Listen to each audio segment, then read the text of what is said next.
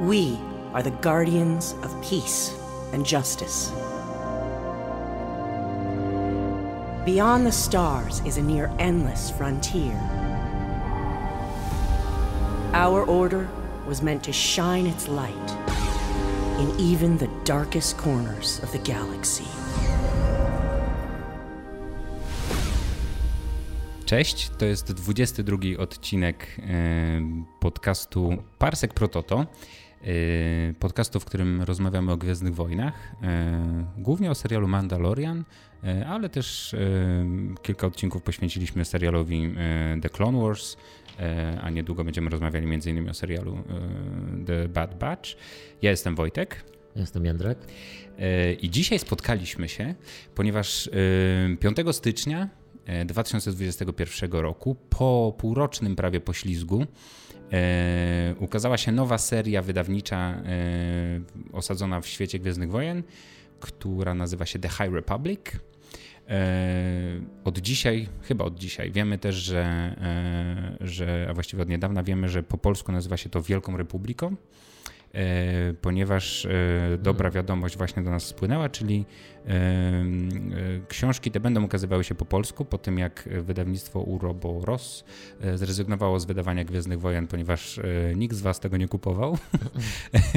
Wydawnictwo e, Olesiejuk e, kupiło, mm, kupiło prawa do Gwiezdnych Wojen e, i 19 maja e, ukaże się pierwsza książka, o której też dzisiaj będziemy rozmawiali, czyli The Light of the Jedi mm, pod tytułem Światło Jedi.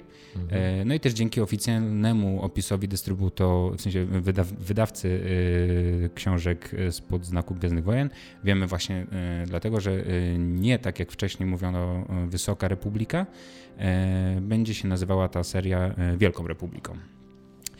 E, Jędrek, czy wiesz co to jest Wielka Republika? Wysoka Republika? High Republic? Mhm. No jest to bardzo intrygujący pomysł na, na taką ofensywę wydawniczą ze strony, e, ze strony Lu- Lucasfilm. Lucas, tak, no Lucasfilm. Lucasfilm, Lucas Books? Nie wiadomo. E, Osadzona 200 lat e, przed wydarzeniami z Mrocznego Widma,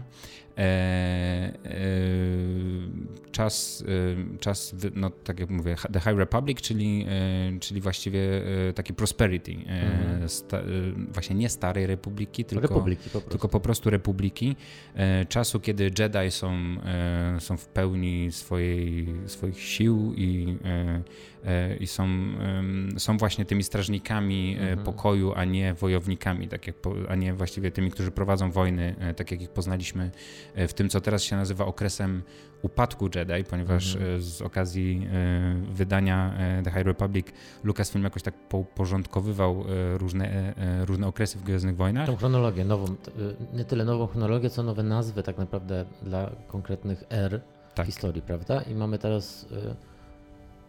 y, Książki to jest High Republic, mhm. czyli 200 lat y, przed tym, co e, od Mrocznego Widma do Zemsty Sithów nazywa się upadkiem Jedi, Mhm. e, The Fall of the Jedi. Potem mamy mm, Age of Rebellion. Age, Age of... E, Najpierw jeszcze mamy chyba Age of Rebellion, to już są, e, to już są oryginalne filmy, czyli oryginalna Mhm. trylogia, a wcześniej mamy jeszcze Age of the Empire, Mhm. Tam E, jest Rogue One, Solo. tak, i Rebelianci, Mhm. a później mamy okres Nowej Republiki, e, Czyli czyli... Mandalorian. czyli The Mandalorian i okres, e, który się nazywa e, okresem nowego najwyższego porządku, czyli Nie, to jest Age of Resistance. Age of Resistance, Mhm. tak, czyli czas, kiedy no, czas, czas filmów sequeli. No ale tak, dzisiaj, dzisiaj pogadamy o, o tej nowej serii wydawniczej. To jest dosyć ciekawy pomysł, no bo to będzie, mm, to nie tylko są książki, ale to też są komiksy. Mm, I one wszystkie razem mają opowiadać e, jakąś taką jedną, e, jedną zwartą e, historię, a właściwie mają opowiedzieć trochę o tym okresie, o którym nic nie wiemy, więc Mhm. twórcy dostali po raz pierwszy właściwie zupełnie wolną rękę. Mm, Od- razu chyba trzeba powiedzieć, że tutaj za, za, za, ten, za tą nową serię wydawniczą i przy okazji nową erę w historii Gwiezdnych Wojen odpowiedzialna jest grupka pisarzy, prawda? Którzy Mhm. jakby wspólnie, zarówno wspólnie opracowali te e, e, główne założenia e, tego pomysłu. Ten, ten projekt powstał przez kilka lat, on najpierw nosił chyba inną nazwę, prawda? Taką roboczą. Luminous, prawda? Tak, Luminous. Na początku tak, to, tak to, The Project, Project Luminous, tak to się nazywało. E, I teraz ta grupka autorów właśnie, część z nich już, już mieliśmy okazję poznać w świecie Gwiezdnych Wojen, bo są autorami, autorkami książek, które się ukazały, tak jak Claudia Gray, Charles, Stro, Charles Soul, Soul który napisał autor... The Light of the Jedi. Tak, jest teraz również scenarzystą głównej serii komiksowej Star Wars, która też jest dosyć ciekawa, bo dzieje się tuż po, po zakończeniu Imperium kontratakuje i chyba będzie właśnie tak cała ta seria będzie wypełniać tą przestrzeń pomiędzy Imperium kontratakuje a powrotem Jedi. Okazuje się, że bardzo dużo się wydarzyło wtedy. Przygód y, y, miał, mieli nasi bohaterowie i w ogóle rebelia. Mm. Tak, i dzisiaj, dzisiaj porozmawiamy o dwóch pierwszych książkach e, przeznaczonych dla. E, e, jedna przeznaczona dla wszystkich czytelników, mm -hmm. czyli Charlesa Soula Taka książka dla dorosłych właściwie. Tak, książka mhm. dla dorosłych, a druga, o której porozmawiamy później, to Claudia Gray Into the Dark. Tak, wspomnijmy jeszcze tam dwa słowa o, o książce, która ukazała się równo z Light of the Jedi, czyli książka e, Test of Courage. Yy, dla najmłodszych czytelników. Dla najmłodszych, którą napisała. E, w sensie, to właściwie nie jest jeszcze książka dla najmłodszych, bo jest jeszcze trzecia książka, która wtedy się ukazała, która jest właśnie dla e, takich najmłodszych, najmłodszych, mhm. a to jest taka mm, Young Adult e, książka dla trochę młodszych w sumie niż young, ta, ta, grupa, która się określa, którą się określa Young Adult, którą napisała Justina Ireland. Mm, no tak, ale Jędrek, przejdźmy do Light of the Jedi, bo, e, bo to taki, mm, no, to jest ten wielki start. E, wielki start tej serii, książka, która, e, na której w sumie teraz jak z perspektywy czasu, jak już widzimy trochę jak się ta seria rozwija i tak naprawdę jaki to jest ogromny projekt, widzimy, że na tej książce leżało, leżał dość duży ciężar, bo to ona miała wystartować nową, nową erę w historii Gwiezdnych Wojen i wprowadzić bardzo wielu nowych bohaterów.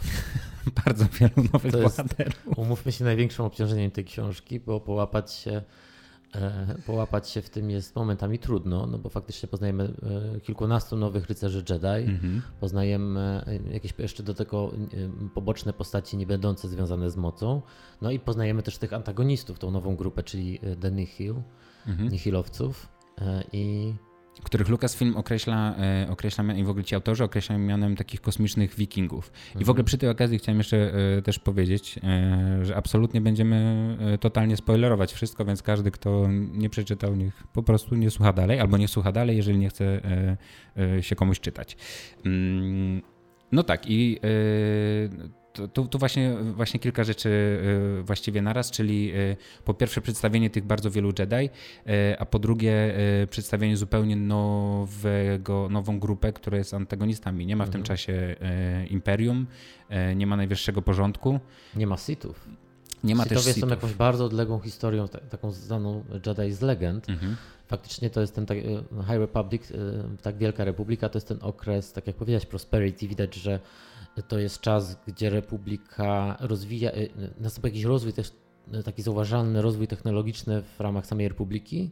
No i przede wszystkim Republika e, e, podejmuje się takiej misji e, poszerzenia swoich granic o, o ten obszar galaktyki znany jako Outer Rim. To jest taki trochę pomysł na taką trochę misję cywilizacyjną, mam wrażenie, że Republika poszerza swoje granice. E, centrum tego projektu kolonizacji, w pewnym sensie kolonizacji oczywiście, czy właśnie cywilizowania e, misji, staje się e, nowo powstała nowoczesna stacja kosmiczna Starlight Beacon. Beacon. E, czyli właściwie odwrócenie Gwiazdy Śmierci, mhm. prawda? E, miejsce, które ma nieść, e, właściwie to jest tak przez cały czas enigmatycznie trochę opisywane, że to ma być takie, mhm. właściwie my, my, jako czytelnicy dostajemy taką informację, która ewidentnie jest skierowana do, mm, tak propagandowo do, do tych ludzi, którzy mają się zetknąć z, z tym nowym wynalazkiem Republiki, czyli przez cały czas słyszymy, że to ona będzie niosła światło Republiki, mhm. ona, to będzie miejsce, w którym, z którego Jedi będą mogli wy wylatywać e, właśnie do tych, e, na te Outer Rims, które właściwie nie są e, nieznane Republice, ale są właśnie tak jak mówisz, nie są podporządkowane Republice, mm, więc to jest... Poza kontrolą. Tak, więc to faktycznie jest taki projekt taki kolonizacyjny mm. Republiki. No ten Starlight Beacon jest dosłownie taką latarnią w mroku. Mm -hmm. no i też tak jak jak, tak jak powiedziałeś, ma się stać zapleczem dla, dla rycerzy Jedi, którzy w tym okresie są niezwykle potężną organizacją. To, to jakby dowiadujemy się już z pierwszej książki, że są ich tysiące, są centrum ich działalności jest nadal świątynia Jedi w Coruscant, ale oprócz tego mają ileś innych tak świątyń, baz na E, na innych planetach w galaktyce. No i ten Starlight Beacon ma się stać też kolejną, kolejnym takim przyczółkiem Jedi. Właśnie tym takim przyczółkiem na, na tym takim niebezpiecznym pograniczu, tym takim pograniczu właśnie nie, e, nie do końca rozpoznanym, gdzie, e, no, gdzie te prawa Republiki nie, nie, nie są, nie rządzą tak naprawdę życiem ludzi, przez co jest tam też dużo, no, dużo tak niebezpieczeństw dla mieszkańców. O, tym aspekcie się trochę więcej właściwie dowiadujemy e, z drugiej książki, e, mm, właściwie z tej drugiej takiej e, mm, dla dorosłych, czyli książkę, która okazała się 2 lutego, Into the Dark Cloudy Grey i tam trochę widzimy właśnie tę perspektywę bardziej nakreśloną mhm. Mm, ludzi, którzy pochodzą z tamtego, z tamtego regionu i trochę to wygląda, nie wiem czy też miałeś takie skojarzenie, w momencie kiedy Polska wchodziła do Unii Europejskiej i w Polsce zaczęły obowiązywać różne prawa. E, one były prędzej czy później, już nawet po wejściu e, wprowadzane, typu na przykład zakaz e, palenia papierosów w knajpach czy w pociągach i tak dalej. I one tak, z takim dużym niepokojem były przejmowane przez mm. wszystkich, przez, przez mieszkańców. I tutaj mi się też z tym kojarzyło, mm, jak na przykład okazuje się, że, że The Spice, który znamy już, który właściwie też tutaj dużo o nim w ogóle jest mowa, mm. czyli taki narkotyk, narkotyk. Mhm. narkotyk. z tego świata. Widzieliśmy go już w Clone Warsach i, i w różnych, widzieliśmy go też na przykład w Mandalorianie, e, ale w sensie jest o nim mowa właściwie e, tam. A tutaj e, nie dość, że widzimy, że ludzie go używają, to też martwią się, że, że w, w czasie, że, że kiedy już Republika wejdzie w te terytoria, jakby je mm, no, skolonizuje, to Spice będzie nielegalny i w ogóle, że dużo, dużo że takich, takich małych rzeczy, których ludzie, które ludzie robią na, na co dzień, one się mm, zmienią. No tak, i, e, i faktycznie e, w, w tym czasie w ogóle republiką rządzi, e, rządzi kanclerka mhm. Lina Soch, którą poznajemy. Ona ma takie dwa wielkie kociaki, mhm. takie tygrysy właściwie. To jedna z takich fajniejszych postaci. Bardzo mi też zapadła w pamięć Lina Soch. Jestem ciekaw, jak się dalej potoczy jej historia, ale tak, ma te wielkie kociaki, takie bardzo, bardzo filmowe od razu e, tak. w głowie wyobrażenie na, na jej temat. No i e, też jest kilka rozdziałów z jej punktu widzenia, dzięki którym troszeczkę więcej się dowiadujemy właśnie o tym, zarówno jak funkcjonuje Republika, jak i jakie są ambicje Republiki. E, I, i, i wydaje się, że oni mają taką dosyć zabawną nawet samą świadomość, że oni są w takim momencie, że teraz są najlepsi, mhm. więc muszą to jakby jeszcze bardziej powiększyć, muszą poszerzyć jakby swoje wpływy. No i oczywiście ciekawie będzie widzieć, jak to, jak to się, jak się będzie to rozwijać w tej serii, e, e, w tej serii High Republic, jeśli pomyślimy o tym, że e, no, że prequele pokazują no, ten upadek Republiki, tą Republikę w takim stanie rozkładu już wewnętrznego. Tutaj to jeszcze wszystko jest trzymane w ryzach, mimo tego, że jakby wydarzeniem otwierającym tą erę, jeśli chodzi o, o, o samą narrację, o historię, jest e, też bardzo takie dramatyczne wydarzenie na skalę galaktyczną. E, I ten taki tajemniczy event, tajemnicze wydarzenie. The Great Disaster. Tak, e, The Great Disaster, które, no właśnie, co, co sądzisz o tym, co o tym pomyślę? Bo rzecz dzieje się w hiperprzestrzeni. E, rzecz dzieje się w hiperprzestrzeni i e, to jest dla mnie jeden, e, tak jak, tak jak właśnie całe nakreślenie, to o czym mówiłeś, nakreślenie tego politycznego tła, w którym właśnie poznajemy, poznajemy na przykład Linę Soch, która jest ewidentnie taką dobrą bohaterką i jakby no, sama, do, sama dobroć tej polityczki po prostu emanuje. To nie jest ten moment na przykład, który widzimy w Mrocznym Widmie, gdzie kanclerz Valorum zostaje wypchnięty przez, przez Palpatina, są jakieś rozgrywki polityczne i tak dalej to tutaj faktycznie e, jest tak gładziutko i wszyscy mają taką samą świadomość, że jest faktycznie najlepiej. E, I jak dochodzi do, do wielkiej katastrofy, czyli to jest właściwie start, pierwszy rozdział mm, Light of the Jedi. No powiedzmy najpierw może, co to jest wielka katastrofa, tak? To jest, to jest wypadek statku Legacy Run, którego załogę zresztą poznajemy w pierwszym, mhm. w pierwszym rozdziale. I mm, ten statek. Z nie, nie, nie do końca wiadomych powodów, bo to też stanowi sekret, czy też zagadkę w pierwszej książce, co się wydarzyło. E, dochodzi do wybuchu, rozpada się on, będąc nadal w hiperprzestrzeni e, i nie dość, że w ten sposób paraliżuje ruch na długi czas, odłączając właśnie ten, e, ten, ten, te dalsze rubieża galaktyki od centrum, to te fragmenty tego, e, e, tego olbrzymiego transportowca potem w losowych miejscach wyskakują z tej hiperprzestrzeni i, e, no i niosą zagrożenie dla całych systemów planetarnych, bo to są takie po prostu. Bo są ogromne jakby szczątki tego statku, które po prostu po uderzeniu mogą. Niszczą planety, niszczą księżyce. planety, tak. Czytając te pierwsze kilka rozdziałów, uświadomię sobie, że my tak naprawdę nie wiemy, jak działa hiperprzestrzeń. Bo to w ogóle nie jest w filmach. W filmach to jest po prostu coś, co zawsze działa, chyba że dotyczy to Hanna Solo, to wtedy to nigdy nie działa w mhm. zasadzie.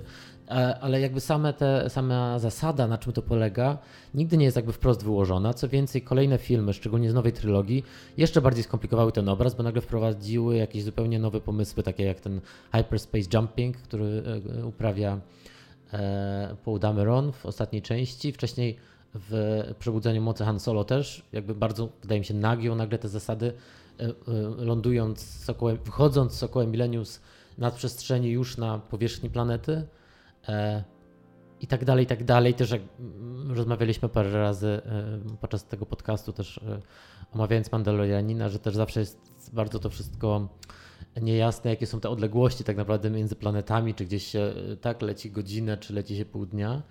Też Mandalorian. To, mhm. Też Mandalorian pokazał e, e, to, że na przykład w jednym tunelu e, hyperspace lecą dwa statki. To, to jest tutaj kontynuowana ta myśl, że te statki mogą się zobaczyć w hiperprzestrzeni, tak, prawda? Tak. I, no i właśnie cały ten, cały ten pomysł jakby, zresztą też oczywiście manewr Holdo, który, mhm. który jest no, jedna z najsłynniejszych, jeden z najsłynniejszych elementów filmu Ostatni Jedi, to, to no, jakby mm, cały pomysł z tym, że to jest, że to jest zakłócenie hyperspace, hyperspace i że to mm, że tak naprawdę są wyznaczone ścieżki tego hyperspace. Ja tego nie, ja, ja tego nie do końca lanes, rozumiem. Ja tego, to mnie najbardziej zaskoczyło. Myślałem, że ta nadprzestrzeń jest jakąś taką no właśnie nierealną przestrzenią, gdzie, gdzie prawa fizyki inaczej obowiązują, nawet w świecie Gwiezdnych Wojen, gdzie one i tak już, mówmy się, są magiczne po prostu, ale że jakby wiadomo, że ten pokład, yy, przepraszam, nie pokład, tylko komputer pokładowy ci coś tam oblicza, żebyś mógł to E, wejść w nadprzestrzeń, ale nie wiedziałem, że tam są konkretne jakby e, drogi, tak? Te, mhm. te lanes, e, które się pojawiają tu w książce, czyli jakieś takie no, ścieżki, drogi mhm. przepustowe. E, takie autostrady po prostu nadprzestrzenne, które po tej, tym wielkim wypadku, który otwiera Light of the Jedi, Republika zamyka te, mhm. te, ścieżki, odcinając właśnie część galaktyki od tego core, czyli, czyli centrum, tam gdzie jest Coruscant między innymi. Więc tak, to mnie też zaciekawiło, że, że, że wzięli na tapetę ten temat, co zrobić, w sensie jak opowiedzieć nam o hiperprzestrzeni, jak coś nowego to powiedzieć, no i zrobić z niej znów jakiś taki, jakiś taki, jakąś taką tajemnicę, którą będziemy e, chyba odkrywać wraz z kolejnymi pozycjami z tej serii. Także to bardzo na plus ten pomysł. Yy, mi też ten pomysł się bardzo podoba, ale tak jak mówię, pierwsze, yy, pierwsze dwie książki chyba y, nie do końca mi wyjaśniły, na czym polega cały. W sensie, jakby. No, właśnie to jest ten problem, że ja zawsze próbuję się gdzieś doszukać jednak jakiejś, y, jakiejś logiki, nawet między filmami, y, no ale okazuje się, że, że jakby nie, nie do końca jest dla mnie jasne w takim razie niemożliwość śledzenia kogoś, albo to, że to jest zupełnie nowy wynalazek śledzenia kogoś w hiperprzestrzeni który pojawia się w The Last Jedi, mhm. E, a jednak tutaj się okazuje, że to są takie wielkie autostrady, więc teraz pytanie, czy w ramach tych autostrad po prostu każdy sobie tworzy i tak tę swoją ścieżkę, w której e, jest, ale też wiemy, że nie do końca, bo, ma, bo Mandalorian pokazał, że jeden statek może lecieć mhm. za drugim i one się widzą mhm. i mogą też zostać wyrzucane z tej no hiperprzestrzeni. Ciekawe, to może być tak, że oczy... w sensie, mm. jedna rzecz jest dla mnie oczywista, czyli to, że w filmach wymyślali as they go. Mm-hmm. Po prostu co było potrzebne, to tak, to tak nadprzestrzeń będzie teraz działać, bo, bo tego potrzebujemy. To szczególnie w nowej trylogii jest, y, jest dla mnie oczywiste, że tu nikt się nie tak naprawdę nie przejmował, czy to można, czy nie, nie. To będzie fajnie wyglądać, więc to robimy. A druga rzecz jest taka, a propos tego, co mówisz, czy y, że tą hiperprzestrzeń widzimy, jak ona działa w nowej trylogii, że na przykład pojawia się ten pomysł ze śledzeniem, może być tak, że to wszystko, co się wydarzy w High Republic, sprawi, że rozwinie się ta technologia również podróżowania w nadprzestrzeni, szczególnie, że ci główni wrogowie, Denny Hill, ich główna na razie, główna, główny atrybut wspierający jakby ich działalność, czy powód, dla którego są takim niebezpiecznym zagrożeniem Republiki, jest to, że oni właśnie potrafią się zupełnie inaczej przemieszczać po nadprzestrzeni, korzystając z jakichś nieznanych nikomu innemu skrótów, ścieżek, e, dzięki czemu mogą takie robić ataki z zaskoczenia partyzanckie. I właśnie też wprowadzenie tego, e, tego magicznego jakby elementu tak naprawdę, czyli odkrywania ścieżek e, hyperspace, w których pomaga Nihilowi no, bezwolnie mm, Marie Santeka, E, czyli taka stara, e, już mhm. bardzo mm. postać z takiego klanu Santeków, który, e, którego oczywiście mm, jednego z przedstawicieli widzieliśmy w The Force Awakens. Tutaj poznajemy jeszcze, jeszcze też dwóch, którzy są, no mówię, to są tacy, gdzieś widziałem takie określenie, że to są tacy Rockefellerowie z Gwiezdnych Wojen. Mhm. No i trochę tak jest, to jest jakiś taki bardzo bogaty ród. No i Rozumiem, że e, jedna z najstarszych, e, już utrzymywana właściwie sztucznie przy życiu e, Marii Santeka, za pomocą swoich umiejętności potrafi, potrafi wyszukiwać nowe, nowe ścieżki hyperspace. No i mówię, i tutaj dzięki, dzięki temu wytłumaczeniu zawiesiłem trochę swoje poszukiwanie przez cały czas w głowie wytłumaczenia, no to o co tak naprawdę chodzi w, mm. teraz w, w tej hiperprzestrzeni, której oni używają. No właśnie, chyba trzeba to tak tak chyba na razie e, traktować, aż może jakieś, e, jakieś takie bardzo konkretne wytłumaczenie się, e, się pojawi w tej serii. No bo zawsze pozostanie to odrobinę magiczne, tak jak tak. większość technologii w Gwiezdnych Wojnach. Nie, nie musi być na wytłumaczona tak ale ten mechanizm, który, który tutaj zostaje wprowadzony, on jest bardzo fajnie wykorzystany, bo, y, bo faktycznie y, dzięki temu, że, y, że nihilowie mają, mają, mają dostęp do innych ścieżek, jakichś skrótów i tak dalej, tak jak mówisz, no to mogą działać z zaskoczenia i mogą, mogą atakować tak naprawdę mhm. Jedi czy, czy Republikę. I e, no tak, cały ten, cały ten w ogóle początek tej książki, jeszcze chciałbym na chwilę przy tym, mm. ten, ta wielka katastrofa i później to, co się z nią wiąże, czyli e, nieuchronne zniszczenie całego systemu, które, któremu próbują zapobiec rycerze Jedi, którzy masowo przybywają, przybywają na miejsce, żeby, żeby powstrzymać te, te wielkie elementy lecące na, na, układ, na układ zamieszkany przez miliardy istot. Mhm. Ten e, cały, cały ten pomysł tej, tej, wielkiej katastrofy, która też właśnie to odcięcie, odcięcie dróg i tak dalej, e, no jednak muszę przyznać, że, e, że gdzieś, gdzieś korespondowała mi z tym, w jakim, w jakim stanie dzisiaj jest rzeczywistość i, i kiedy ta książka wyszła. Zresztą sami autorzy mówili o tym, że to że zaskakująco, e, e, zaskakująco gdzieś wpisuje się narracja tej przynajmniej pierwszej książki. E, o tym Charles Soule mówił w wywiadzie. Wpisuje mu się jakby w stan, w stan świata w 2021 roku już wiedział, że zresztą poprawki zostały wprowadzone od momentu, w którym książka miała ukazać się jeszcze w sierpniu ubiegłego roku, ale właśnie ze względu na pandemię premiera została przesunięta. Pierwsza część książki Soula dotycząca właśnie tego wypadku i, i, i, i próby jakby powstrzymania dalszego rozwoju wydarzeń, w sensie tych kolejnych zniszczeń na planetach. E, to, to była jakby ta część najtrudniejsza do śledzenia, bo tu i dużo się działo i jednocześnie ci bohaterowie się pojawiali e, w takim tempie naprawdę momentami przytłaczającym. E, w ogóle ta książka, wydaje mi się, że trochę by pomogła, by tam zrezygnował z dwóch czy trzech takich postaci, które stają się jakby z ich punktu widzenia, tak, śledzimy akcję, bo tego po prostu tych skoków jest trochę dużo. No mhm. ale mm, mm, rozumiem, że też, też takie, takie było to wyzwanie, że, że pierwsza książka musiała bardzo szeroko to wszystko nam nakreślić. W gruncie ta pierwsza część e, i to jak w końcu Jedi udaje się częściowo powstrzymać e, ten, tą, tą katastrofę Legacy Run, pokazuje nam też, jak potężni są Jedi w tym momencie w historii galaktyki. Oni używają mocy w sposób, jakiego nie widzieliśmy nigdy. Ani w prequelach, ani w e, oryginalnej trylogii, ani tym bardziej w sequelach. To, to, to jest. I to jest właśnie używanie mocy nie tylko jako pojedynczy Jedi, czy indywidualnie mm, indywidualnie, przepraszam, potężni, tylko właśnie jako grupa. I Awa, ciekawy jest ten pomysł, że właśnie Avar Chris, czyli mm, jedna z tych głównych bohaterek, jak się wydaje, tej, tej, tej serii, ona jakby posiada tą taką moc, łączenie ze sobą dziesiątków, tak, czy setek nawet Jedi, E, i za sprawą tej mocy oni tam tak są w stanie powstrzymać, tak jakby zmienić trajektorię lotu jakiegoś tam duże, dużego fragmentu tego statku. No i grunt, że ona używa tego, e, tej swojej mocy, żeby jakby połączyć ich takie, no nie wiem, takie bardzo new age'owe pomysły, że ich mm -hmm. umysły się łączą, to grunt, że dzięki temu oni są w stanie robić, no takie, czynić cuda. Mm -hmm. To jest jakby Jedi naprawdę są tutaj jakąś taką wszechpotężną, mistyczną bardzo organizacją, ale jednocześnie widzimy też taki moment, w którym oni bardzo się zaczynają się przybliżać do Republiki, bo tak de facto stają się takimi jednak wysłannikami Republiki w tych rejonach.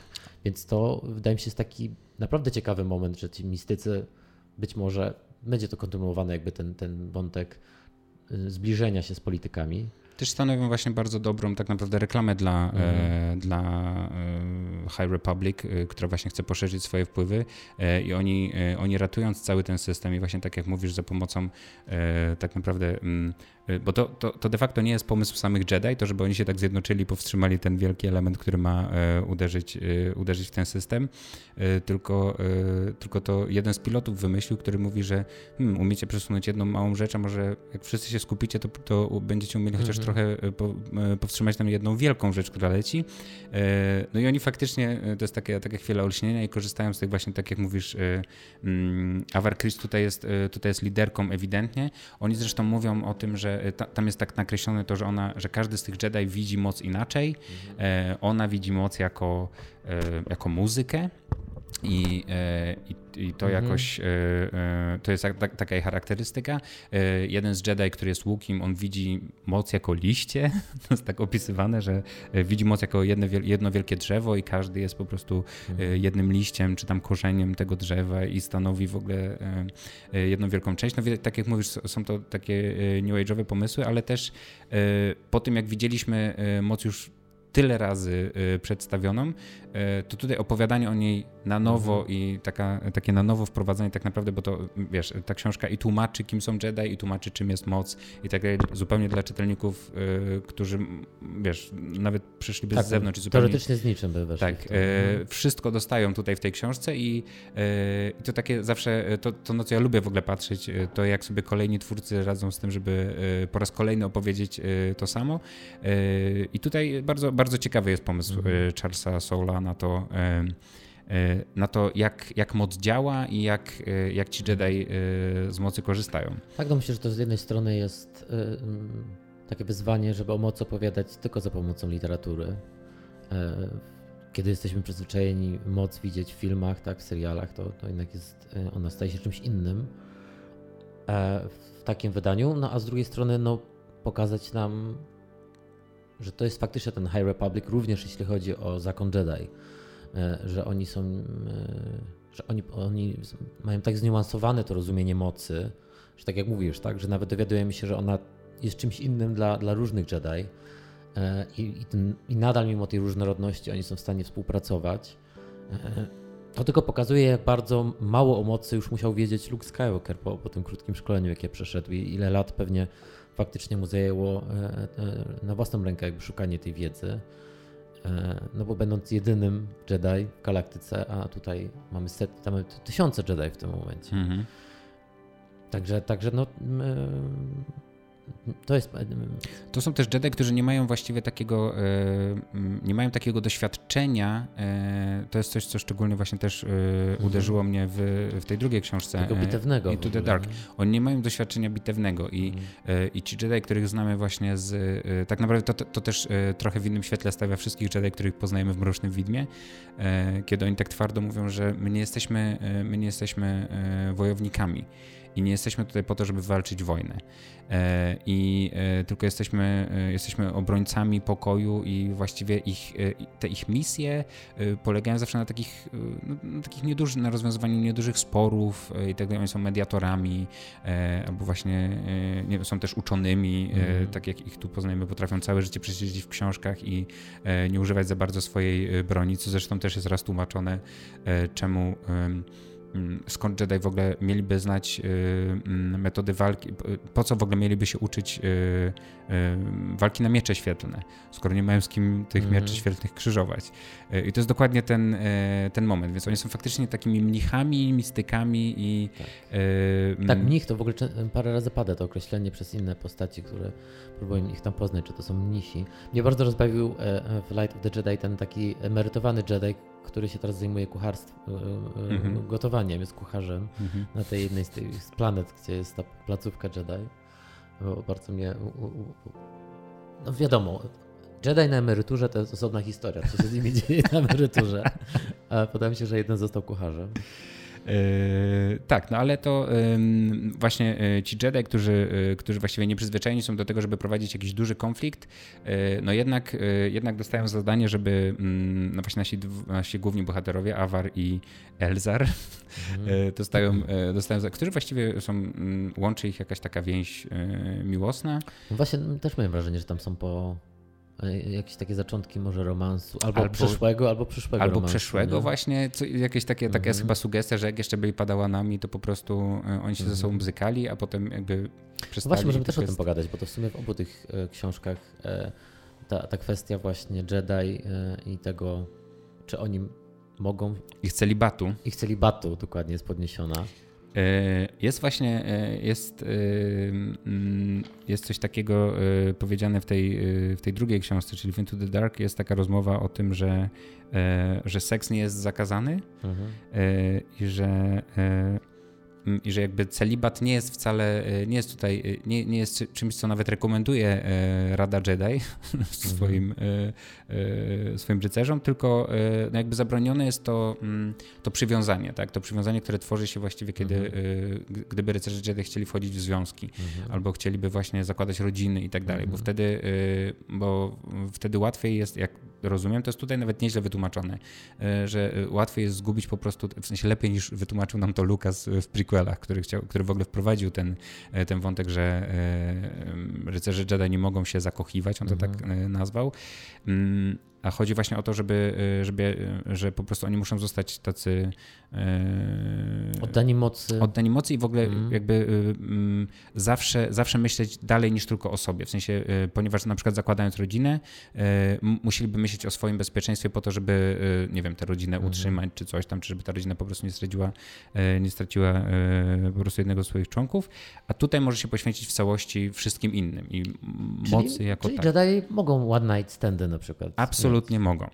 Absolutnie mogą. Nie, nie mogą się przywiązać w żaden sposób. tak. E, wręcz właśnie e, taki na przykład e, właśnie Tinder czy Grinder dla, mhm. dla Jedi pewnie istnieje. Wręcz z takim, nie, nie ma tam zakładki dating, mhm. tylko jest right now. Right now. Po prostu można... Za...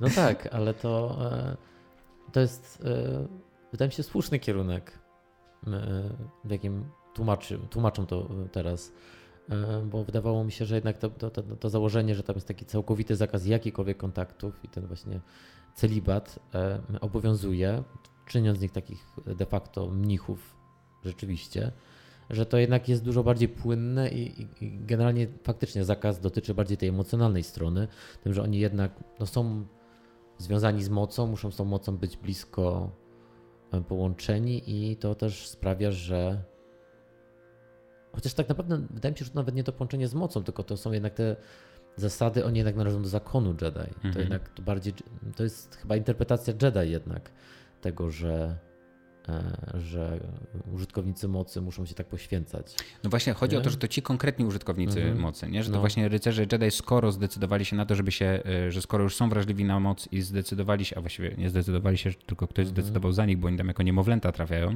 e, do, do zakonu, skoro, ale skoro już idą tą ścieżką i są tak trenowani po to, żeby być rycerzami Jedi, to rycerze Jedi przede wszystkim mają się skupić na tym, żeby, żeby pomagać innym i żeby w mhm. każdym momencie E, ewentualnie móc poświęcić nawet swoje życie e, po, dla większej sprawy, bo zawsze jest coś większego niż, niż ty sam i e, czy na przykład właśnie twoja rodzina, którą mm. byś założył i tak dalej, nie? Bo to, no tak. I to mówię, jakoś tak dobrze, dobrze te książki z tego wybrnęły. Tak, mam, mam nadzieję, że to jest otwarcie furtki do tego, żebyśmy się dowiedzieli, że grogu jest owocem takiego je, je, e, gorącej nocy pomiędzy Jodą a Jadł. Tak?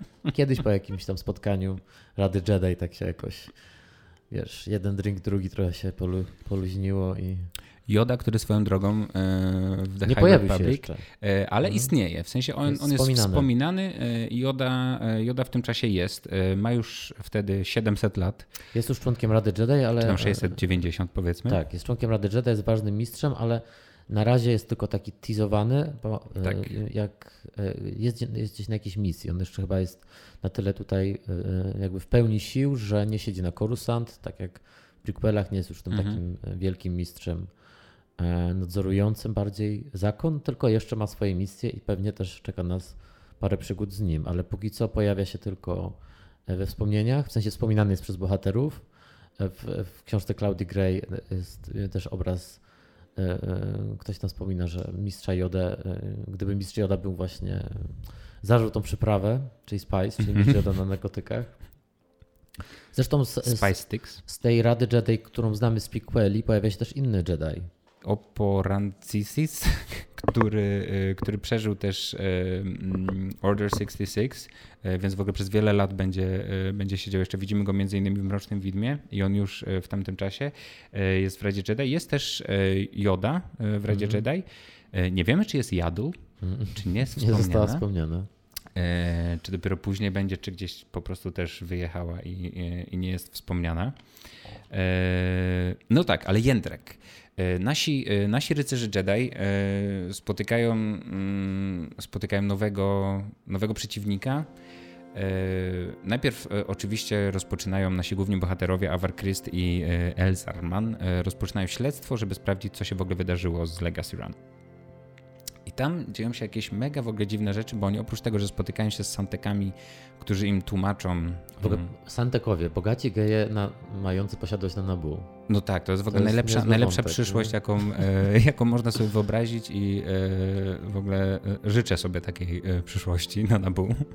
E, Rockefellerowie to mi się podoba. No. I, e, I oni oczywiście muszą być swoimi mężami, tak swoją drogą, bo to Gwiezdne Wojny, wszyscy tam są w formalnych związkach. Mhm. nie ma żadnych nie, romansów albo. W każdym razie oni w ogóle jakoś prowadzą taką bardzo dziwne śledztwo, bo tam E, jakby jeden z takich najdziwniejszych momentów tej książki, mimo tego, że dzieją się tam różne rzeczy z Gwiezdnych Wojen, to e, jest coś takiego, że e, Awar Awar produkuje taki, y, taki komputer, który ma przewidywać, gdzie będą te, y, gdzie będą te... Mm, gdzie będą wyskakiwać te cząstki Legacy Run z hiperprzestrzeni. Z hiperprzestrzeni. I, to, I ona jakby łączy dużo droidów ze sobą po to, żeby ten i potem tworzy deszcz, żeby schłodzić te droidy. Mhm. Jest takie strasznie... Mhm. właśnie takie, takie rzeczy, tak powiem, okej, okay, trzeba chyba zapełnić książkę, żeby się działy wydarzenia. Ale to jest nieważne, ponieważ oni e, wpadają w końcu na trop tego, że mm, prawdopodobnie za, e, za katastrofą Legacy Run e, stoją Nihilowie. Mhm. I Nihilowie to jest taka organizacja, tak jak już powiedzieliśmy wcześniej, e, Gwiezdni Wikingowie, to jest taka organizacja mm, przestępcza. No, to piraci trochę. Tacy piraci, e, którzy e, mają takie charakterystyczne e, maski na sobie i... I statki również, takie pozlepiane z różnych, z różnych z różnych innych statków. No, innych statków tak naprawdę, takie polepione. Nie, no tak, są takimi złomiarzami tak, trochę złomiarze, też. Tak. E, I właściwie ich celem jest co? Ich celem, e, nie do końca wiem jaki, jaki jest ich taki główny grand y, cel, no ale póki co próbują po prostu obalić Jedi. Znaczy poznajemy ich jak są właśnie, mówię, piratami, łupieżcami, taką jakąś niedużą organizacją gdzieś tam działającą właśnie na tych rubieżach, o której Jedi niewiele wiedzą. Chodzą o nich plotki po, y, tak, wśród mieszkańców tamtego rejonu galaktyki, ale to wszystko. Tak, Jedi nie znają właśnie. Jedi ich nie znają tak naprawdę. No i oni się faktycznie, wszyscy w tych maskach chodzą, co też jest częścią ich strategii, bo oni są znani z tego, że te, ten gaz wypuszczają i mordują za pomocą różnych gazów. Albo W ogóle bardzo ciekawa ale- organizacja. Tak. No i w ogóle Metody super. trochę do środka, bo dowi- dowiadujemy się, jak oni są tam wewnętrznie zorganizowani, że są takie mniejsze jakby jednostki, tak, tam one wszystkie mają Są takie trzy. tam y, Storm, prawda? Tak, oni są podzieleni na takie trzy główne frakcje, którymi y, y, dowodzą Lorna D, Mhm. Pan Eita i Kasav...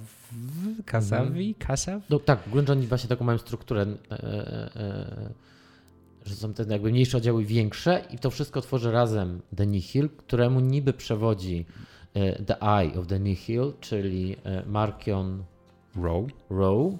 Dowiadujemy się, że on odziedziczył tę, tę funkcję po swoim ojcu, który wcześniej, który założył tak naprawdę The Nihil, więc to jest jakaś taka organizacja przestępcza już od iluś lat działająca. No ale tu też w tej książce się to ciekawe wydarza, że, że, że poznajemy tego Marchiona Ro jako niby ich dowódcę, ale tak naprawdę pozbawionego jakiejś realnej władzy, bo jego głównym atutem jest y, to, że on posiada, y, y, on jakby dostarcza im tych nowych tras, tych skrótów w hiperprzestrzeni dzikiej, którym oni mogą tak znienacka atakować e, tam statki kupieckie i z tego się utrzymują. I to jest jakby tego karta przetargowa i muszą zawsze mu tam jedną trzecią, tak chyba, wszystkich łupów składać. Potem się dowiadujemy, że to tak naprawdę on sam tego nie jest w stanie wytyczyć, tylko to właśnie ta, e, ta stara e, siostra San Teku, Marii Santeka. Marii Santeka, tak naprawdę za to odpowiedzialna. No ale grunt, że już jakby przechodząc do końca książki, to on e, tak naprawdę pod koniec książki swoich jakby rywali w ramach tej organizacji się pozbywa. Takiego głównego tam, już teraz nie pamiętam jak się nazywali, jednego z dowódców tych, tych, tych większych Kassewa właśnie. tak, Kasewa, Mhm. tych większych oddziałów. No i staje tak naprawdę dopiero on w tym momencie na czele tych Nihil i zamierza ich chyba zupełnie zmienić, ich, nie tylko ich funkcjonowanie, ale też chyba ambicje polityczne, bo Tak. okazuje się, że Mark Ho chce, no ma na pięku z Jedi i bardzo chce chyba tych Jedi e, zniszczyć. I nie wiemy też właśnie, jaki, e, e, jaki on do końca. Jaki ma problem z Jedi, co to dokładnie jest, bo tego nie mówi, ale wiemy, bo tak ciągle chce, e, ciągle widać, że jest na takim, na, na pograniczu wyjawienia swojego planu, co to tak naprawdę było. Robi to zresztą raz w tej książce właśnie wobec tego Kasewa, e, kiedy i tam znowu nie do końca rozumiem, na czym polega hyperspace i to, co ta książka z nią robi, bo, bo się okazuje, że on temu Kasewowi podawał złe e, zaczął mu podawać na końcu złe jakby te ścieżki e, i przez to on wpadał swoimi statkami na inne statki i się rozwalał. I on ma właśnie taki, e, no taki Scooby-Doo moment, że tak mówi, haha, tak naprawdę miałem tak. taki plan i chciałem robić tak. E, No i to jest wszystko bardzo fajne, bo tak jak mówisz, właśnie on chce przekształcić tę te organizację e, mm, w jakąś taką prawdziwą, prawdziwe zagrożenie taką dla siłę Jedi, dla taką, siłę no. przeciw Republice. I e, Tam też pojawia się coś takiego jak No Space, bo y, o, o tym zapomniałem wspomnieć, że oni, Markion Ro ma swoją siedzibę na takim statku, ale oprócz tego oni się spotykają w jakiejś takiej przestrzeni No Space, mhm. która jest jakaś taka, tak, że tam bardzo łatwo jakby spaść z tego. To wszystko jest e, fascynujące. Bardzo przyznać, że, że jak na Gwiezdne, że Gwiezdne Wojny przyzwyczaiły mnie oczywiście do tych różnych magicznych rzeczy, które się dzie, dzieją z czasem i przestrzenią, e, ale tutaj aż mi brakowało tego, żebym mógł zobaczyć pewne te rzeczy, które są tylko tak właśnie zasugerowane w tej książce. Ten cały właśnie te, to miejsce, ten taki dwór tego Eye of the Nihil, e, no bo też to tak zrozumiałeś, tak? Że to jest jakaś taka przestrzeń wycięta z tej nicości, Tak. której oni, do której oni przylatują, tam się spotykają. Tak, zresztą bardzo, y, bardzo nie, tylko, nie tylko książka ma bardzo y, mm, taką filmową strukturę, w sensie tam jest bardzo dużo akcji y, i no, to jest w ogóle, jakby przełożyć to na, to na film, to byłby po prostu wystrzałowy film, ale tak jak mówisz też właśnie te lokacje wszystkie, czy też to nawet jak ci bohaterowie wyglądają i tak dalej, no bardzo, bardzo pobudza wyobraźnię i nawet w tym świecie muszę przyznać, że jakby mm, czytałem ileś tam książek z Gwiezdnych Wojen i nigdy żadna z nich nie zrobiła mi tego, co, co zrobiło mi Light of the Jedi, czyli bardzo poszerzyło mi ten świat i, i też sprawiło, że jakby jestem, jestem ciągle zainteresowany tym, co, co jeszcze nowego, co jeszcze nowego macie, macie w pudełku, wyciągajcie, pokazujcie. Tak jak mówisz, ten świat, ta, rzeczywistość, w której funkcjonuje Nihil, jest, jest też jest jakąś, jest jakąś zagadką i tak naprawdę żadna, e, żadna z następnych książek nie, e, nie zagłębia się w to, e, co to jest, bo już nie, jakby nie, nie oglądamy też za bardzo mhm. perspektywy Nihili, przynajmniej w książkach, które ukazały się do, do dzisiaj. Mm, tak, tak, oni na razie faktycznie są taką dosyć dużą zagadką. Ta pierwsza część kończy się tak naprawdę tym, że Jedi zaczynają sobie zdawać sprawę z tego zagrożenia, to kończy się, e, kończy się to bitwą kosmiczną, mhm. podczas której też ginie paru Jedi, ale już nie pamiętam których. Też tak wiem, że jak już kogoś zapamiętałem, to okazywało się, że szybko ginął, więc... E, e pochwycony też zostaje bohater, którego zapamiętałem, czyli Master Loden Great, Great Storm, Twi'lek, Master Jedi, który zostaje e, pochwycony właśnie e, i, e, i staje się więźniem Marchiona Ro, to pewnie też będzie jakoś dalej kontynuowana, kontynuowany wątek.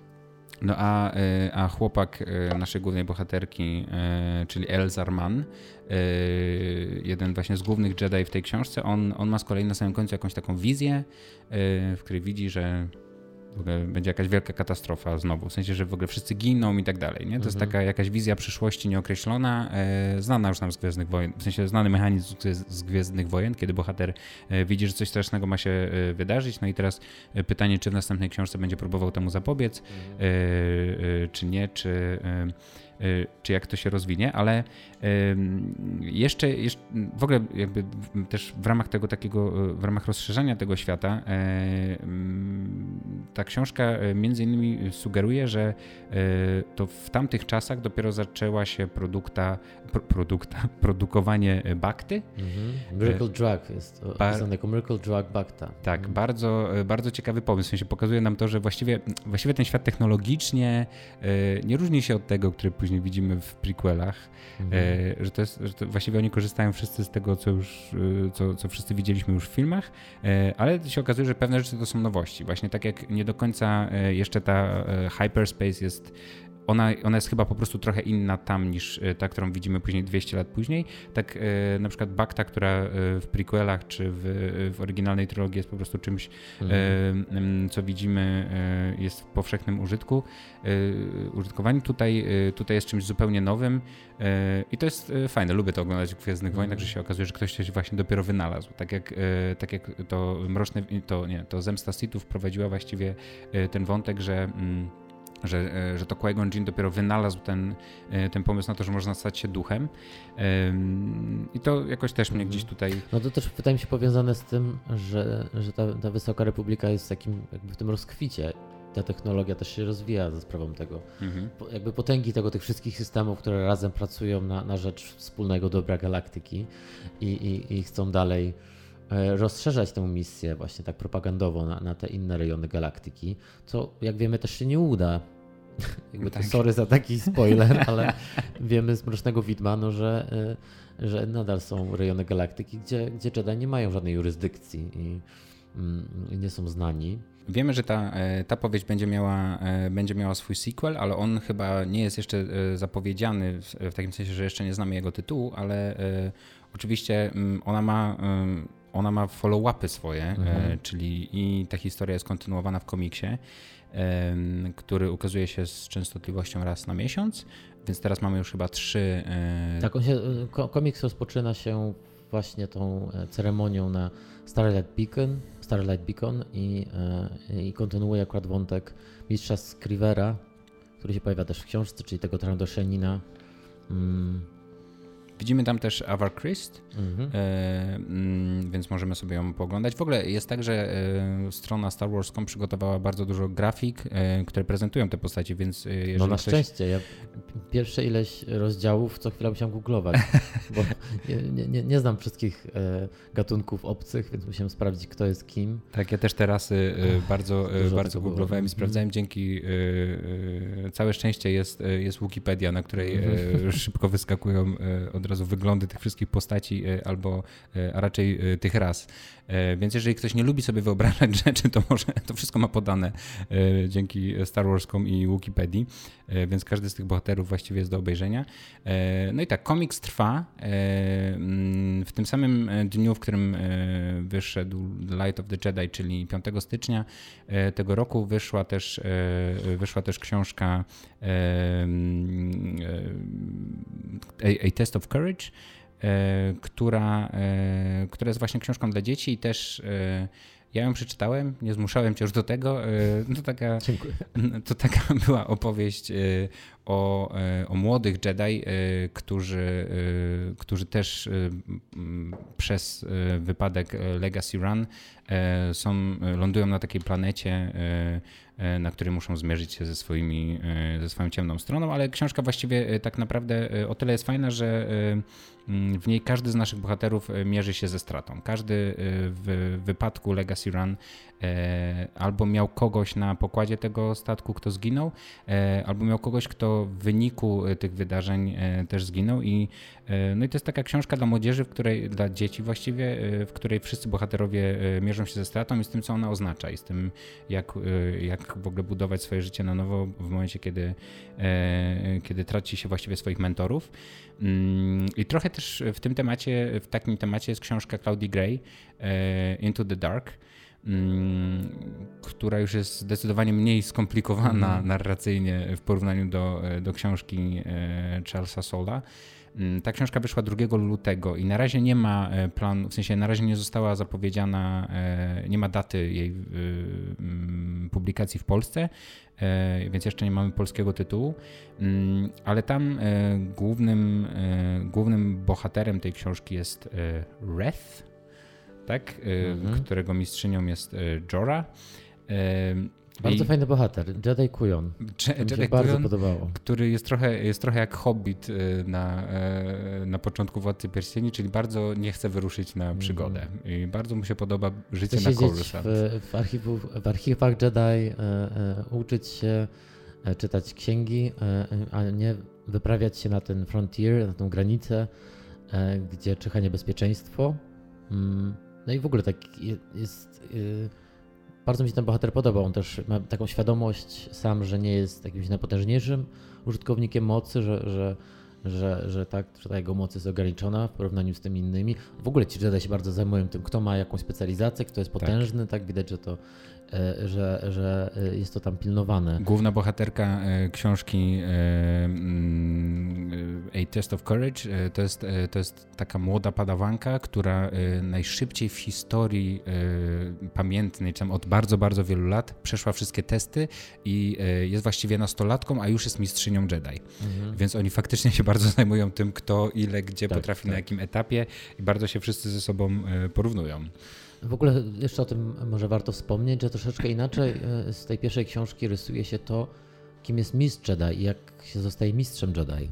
Bo w prequelach e, Anakin miał z tym problem, bo Anakin bardzo e, był zły, że, że Rada Jedi go nie awansowała na mistrza Jedi. I, i taki wymóg w prequelach przynajmniej to było to, że mistrz, żeby zostać mistrzem trzeba było mieć ucznia, prawda? Mm, żeby być, e, ale też e, to jest, e, to jest taka ranga, którą przyznaje ci w ogóle mm, Rada Jedi. I teoretycznie już teraz wiemy, że Anakin miał uczennicę, ale tej rangi mistrza nie dostał. Mhm. Nie, wiem, czy, nie wiem, czy widziałeś, e, ale dzięki naszej, e, dzięki naszej mm, stronie, na, na naszemu profilowi na Instagramie, ja oglądam bardzo dużo memów z, z Gwiezdnymi Wojnami. Jeden z moich ulubionych, w ogóle Anakin jest przez cały czas bardzo gnębiony w tych memach. Nic się nie zmieniło 20 lat. I tam, I tam jeden z moich ulubionych, to jest właśnie jedne z moich ulubionych memów dotyczą, dotyczą, dotyczą tego, że Anakin mistrzem nie jest. Mhm. I jest na przykład takie zdjęcie, które ktoś wrzucił niby z Rady Jedi i wrzucił zdjęcie zdjęcia Anakina Skywalkera i napisał podpiszcie zdjęcie, wrong answers only. I pod spodem pierwszy komentarz oczywiście Mace Windu wpisuje e, Master Jedi.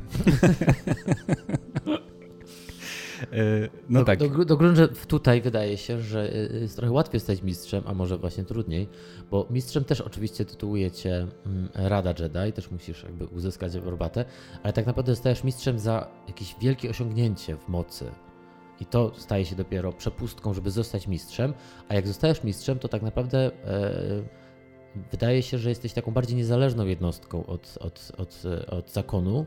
Jakby masz większe pole do, do decydowania o swoim losie. Nie ma tak, że y, będąc rycerzem Jedi możesz być wysłany przez tak, radę gdzieś z misją. Jako mistrz masz jakby większą tutaj y, tak ja to zrozumiałem przynajmniej, tą jakby dowolność kształtowania swojego losu. Trochę mi to przypomina, jak, y, jak czarodziejów y, klasyfikuje albo jaką ścieżkę rozwoju y, buduje J.K. Rowling w swoich książkach. I tutaj jest, jest trochę podobnie. W sensie okazuje mhm. się, że rycerze Jedi mogą w ogóle tak naprawdę tych podobieństw z Harry, Potter, z Harry Potterem mam nadzieję, że jest coraz więcej i, i, to, i ten świat trochę ukradł ze świata J.K. Rowling, wręcz przejął to i robi to trochę lepiej, bo mhm. począwszy od budowania budowania, e, budowania swojego własnego miecza, e, który cię tak wybiera tak samo jak e, różdżka wybiera cię Kyber Crystal. Tak tutaj masz, masz równe, różne ścieżki rozwoju po tym, jak skończysz Akademię Jedi i zostajesz już mistrzem Jedi. Mhm. Jedna z bohaterek tej książki właśnie ma taki plan, że chce zostać... Wayseeker Jedi. Tak. Mhm. tak taką... to, to, też mnie zaciekawiło bardzo. Tak, i że to, że to... To taki wolny atom trochę, tak? Że ona tak naprawdę odłącza się w pewnym sensie od zakonu, mhm. E, i podróżuje po galaktyce, rozwija się wewnętrznie, tak? E, e, staje się trochę taką właśnie tła, tak, w taką tłaczkę wchodzi, taką trochę zostaje właśnie wędrowczynią, albo to mi się też skojarzyło, no jeśli to jest też zakon, no, że to są tacy ci Jedi, którzy jakby wybierają na przykład samotność, tak, mhm. że przez wiele lat po prostu, tak jak Yoda czy Luke, po prostu żyją jako tacy mm, pustelnicy. Tak, ta bohaterka ma też taki problem, czy, czy to, że czy wybranie takiej ścieżki samotniczej, czy jest w ogóle um, sprzeczne z kodeksem, mhm. czy nie. Teoretycznie nie jest, ale jednak jest to y, bardzo takie y, skierowane na siebie myślenie. To jest w ogóle ciekawy problem i to też, co powiedziałem na początku naszej rozmowy, że mamy okazję zobaczyć padałanów i padałanki, którzy mm, którzy dorastają w zupełnie innych warunkach niż w prequelach, niż to, co widzieliśmy, bo oni doras... Y, Anakin y, był padałanem, który musiał, y, który musiał dorastać i musiał swoje, swoje umiejętności szlifować y, już w erze y, podczas trwającej wojny. I wszyscy rycerze Jedi razem ze swoimi padałanami, to co widzimy w serialu Wojny Klonów, e, tak naprawdę są wrzuceni, wrzuceni w wojnę i mm. jakby ich, ich misje polegają po prostu na, na przeprowadzaniu mm, batalii. Oni są żołnierzami, mają jakieś tam rangi wojenne, a tutaj, a tutaj właśnie nasz, nasz główny bohater w ogóle jest z zupełnie innego świata. Ma, mhm. ma jakby... Jest badaczem, tak, archiwistą. Kończy szkołę i w ogóle tak. się zastanawia, co teraz y, dalej. Bardzo, bardzo to jest fajny aspekt, to, to co pokazuje y, mhm. Claudia Gray w tej książce. No właśnie, ta książka dzieje się na, na y, większość, większa część akcji dzieje się na stacji kosmicznej, na której lądują nasi bohaterowie, czyli grupka kilku Jedi, którzy lecą, lecieli do, na Starlight Beacon, zostali jakby wybici poprzez e, e, ten, ten Wypadek. katastrofę, mhm. tak? Katastrofę Legacy Run musieli skrócić jakby swoją podróż, znaleźli się w innym systemie, odcięci od, od tych właśnie dróg e, w nadprzestrzeni, zostają uwięzieni na jakiejś takiej starożytnej, naprawdę staro, starożytnej stacji kosmicznej, nieczynnej, Amaxin Station. Tak, Amaxin Station, e, która, no właśnie, której e, tajemnica, tak naprawdę, odkrycie tajemnicy tej stacji e, to jest właśnie fabuła tej książki. Tak, ja tylko powiem, że jest, że są z nimi, jest z nimi dwójka pilotów, mhm. Leox i Afi. E, Leox, który e, deklaruje się w tej książce jako aseksualny. Tak, to jest aseksualnym e, narkomanem dodatkowo. Aseksualnym narkomanem. Tak, ale on ma taką ciekawą rozmowę na temat właśnie seksualności z, z AFI. Z AFI właśnie. Mhm. I mówi, że to jest, że jakby dzięki temu, że nie, jakby nie za, w ogóle ten, ten temat nie zaprząta jego głowy, to e, mhm. ma przestrzeń na, na zajmowanie się innymi rzeczami i bardzo się cieszy, że, e, że tak jego życie wygląda. I to jest w ogóle e, ciekawy pomysł, że Gwiezdne Wojny wprowadzają takiego bohatera. Ale tak jest... w ogóle, w ogóle wydaje mi się, że, że ta, ta już teraz wiesz po tych nawet dwóch książkach, że jeśli chodzi o to diversity, no to te książki teraz będą odrabiać te wszystkie straty i do straty filmów w tym sensie, że właśnie pojawili się, pojawiają się małżeństwa jednopłciowe, mhm. jako oczywista rzecz w galaktyce. Wiadomo, w ogóle nie trzeba tego w żaden inny sposób wprowadzać. No i tak, Afi jako, e, jako, jako postać aseksualna i jeszcze tak jakoś ciekawie to jest wprowadzone do nawet fabuły tej książki, także on dlatego był jej mentorem, że jej nie zagrażał w żaden sposób. Tak. Bo mówimy tu o dwójce bohaterów, którzy należą do, do gildii, do Bind Guild, e, takiej organizacji e, niby legalnie zajmującej się handlem, ale tak naprawdę takiej quasi jednak przemytniczej organizacji, do której e, oni należą. Ta bohaterka zresztą jest e, taką wychowanką e, szefowej tej gildii i naznaczona jest na jej, na jej następczynię. Ale Jędrek, ci wszyscy bohaterowie, których przedstawia tutaj Claudia Gray, zaraz dojdziemy do stacji Amaxin i będziemy o niej rozmawiali więcej, ale ci wszyscy bohaterowie bledną totalnie w obliczu bohatera, który nazywa się Geode, mhm. czyli jest to skała, E, która mhm. E, lata e, razem z nimi. To a propos tego diversity. Pilotów właśnie, tak, tak, a propos diversity, które, o którym mówisz, mi się najbardziej podoba tutaj to, że przede wszystkim każdy jest innej rasy, innego gatunku mhm. i w ogóle jest to super, bo ci Jedi są naprawdę bardzo, bardzo różni. To jest zupełnie inny świat niż ten, który widzimy później w Imperium, w czasach Imperium. Mhm. To, jest taki, to jest taki z prequeli pomysł. Tylko to jest, mhm. każdy jest po prostu w ogóle z innego świata, ma macki, ma, jest, jest łukiem, jest kimś tam i to jest jest e, strasznie fajne, no ale Geode to jest coś kompletnie nowego. Mm, tak, faktycznie to jest taki e, milcząca, jakby nie przemawiająca, bo nie posiada ust w ogóle, -hmm. kawałek skały, e, oczywiście będący istotą rozumną, będący co więcej nawigatorem tego tak, statku. nawigatorem. I wszyscy mają z nim w ogóle jakieś takie. E, e, przy, pierwszej, przy pierwszym zetknięciu e, trochę mają z tym problem, bo nie wiedzą, jak w ogóle to czytać, ale właściwie też bez, bez jakiegoś większego tłumaczenia nagle się okazuje, że każdy z bohaterów ma jakąś interakcję z Geodem mm. i coś rozumie, co on mówi, albo jakby rozumie jego emocje. Mhm. Że na przykład Geode y, patrzy na ciebie jakoś tak wymownie, mhm. mimo że jest po prostu skałą, która nie ma tak, tak. żadnego... Tak. tak, tak, on rzuca takie znaczące spojrzenie jakby. tak, albo wymownie milczy y, i bardzo, bardzo, bardzo to jest fajnie opisane i, i właściwie w tym, w, w tej książce brakuje droida, E, nie ma, nie ma tego takiego pomysłu, e, w sensie, albo właściwie ten pomysł e, na droida, który zawsze pojawia się w świecie Gwiezdnych Wojen, jakiś taki jeden, jedna maskotka, to tutaj tą mhm. maskotką staje się Geode.